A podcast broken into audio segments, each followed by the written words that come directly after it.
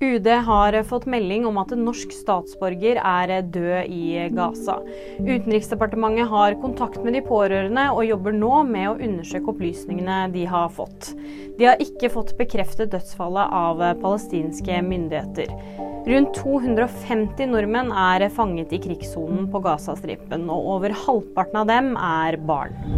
Nå blir det skikkelig kaldt. Nord i landet blir det kaldest, og i Karasjok var det allerede søndag morgen målt 21,9 minusgrader.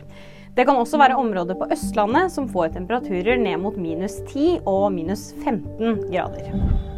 Paven trygler om eh, fred. Nå må våpnene tie, de vil aldri bringe fred. Det sier pave Frans i en kommentar til krigen mellom Israel og Hamas. Paven ber også om øyeblikkelig våpenhvile på Gazastripen. Og nyheter det finner du alltid på VG.